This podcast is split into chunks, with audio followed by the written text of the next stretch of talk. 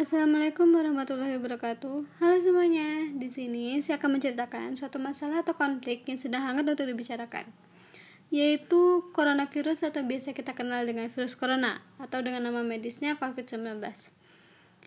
Virus corona adalah virus yang menyerang sistem pernafasan. Virus ini juga bisa menyebabkan gangguan pada sistem pernafasan, pneumonia akut, sampai bisa menyebabkan kematian. Virus ini telah menyebar ke seluruh dunia dan telah memakan korban kurang lebih 3.000 orang meninggal.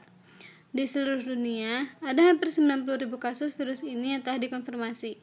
Dengan jumlah di luar Cina tumbuh justru lebih cepat daripada di dalam daratan Cina. Tetapi, menurut laporan Organisasi Kesehatan Dunia atau biasa kita kenal dengan WHO, kebanyakan pasien hanya memiliki gejala ringan dan angka kematian tampaknya antara 2% dan 5%. Virus ini memiliki dua jenis, yaitu Severe Acute Respiratory Syndrome atau biasa kita kenal dengan SARS dan Middle East Respiratory Syndrome atau biasa kita kenal dengan MERS. Nah, kedua virus ini memiliki angka kematian yang jauh lebih tinggi dibandingkan COVID-19. Dampak dari mewabahnya virus corona saat ini menimbulkan banyak efek negatif dan menimbulkan kekacauan di dunia. Dari adanya virus ini juga, berbagai penerbangan dari dan ke Cina juga banyak yang ditangguhkan. Sementara kegiatan operasional perusahaan di negara Cina masih belum berjalan secara normal sampai sekarang.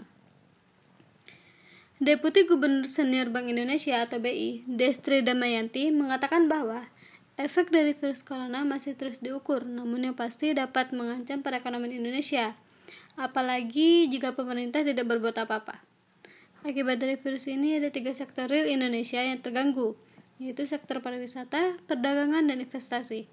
Dalam hal ini, menurut Despri, Cina sangat berperan penting dalam sektor perdagangan, mengingat Indonesia sangat sering melakukan kegiatan impor dari Cina. Sri Mulyani juga mengatakan bahwa sebenarnya tahun 2020 berpotensi menjadi tahun pemulihan setelah pada tahun 2019 Terdapat banyak momentum yang memberatkan seperti perang dagang antara Amerika Serikat dan Cina, serta Brexit. Selanjutnya, Cina merupakan negara nomor dua terbesar dalam penanaman modal ke Indonesia. Bahkan, baru-baru ini Cina masuk ke industri hilirisasi nikel. Walaupun demikian, Destri optimis Bank Indonesia dan pemerintah tidak akan tinggal diam dan melakukan banyak stimulus agar dampak virus corona bisa dimitigasi.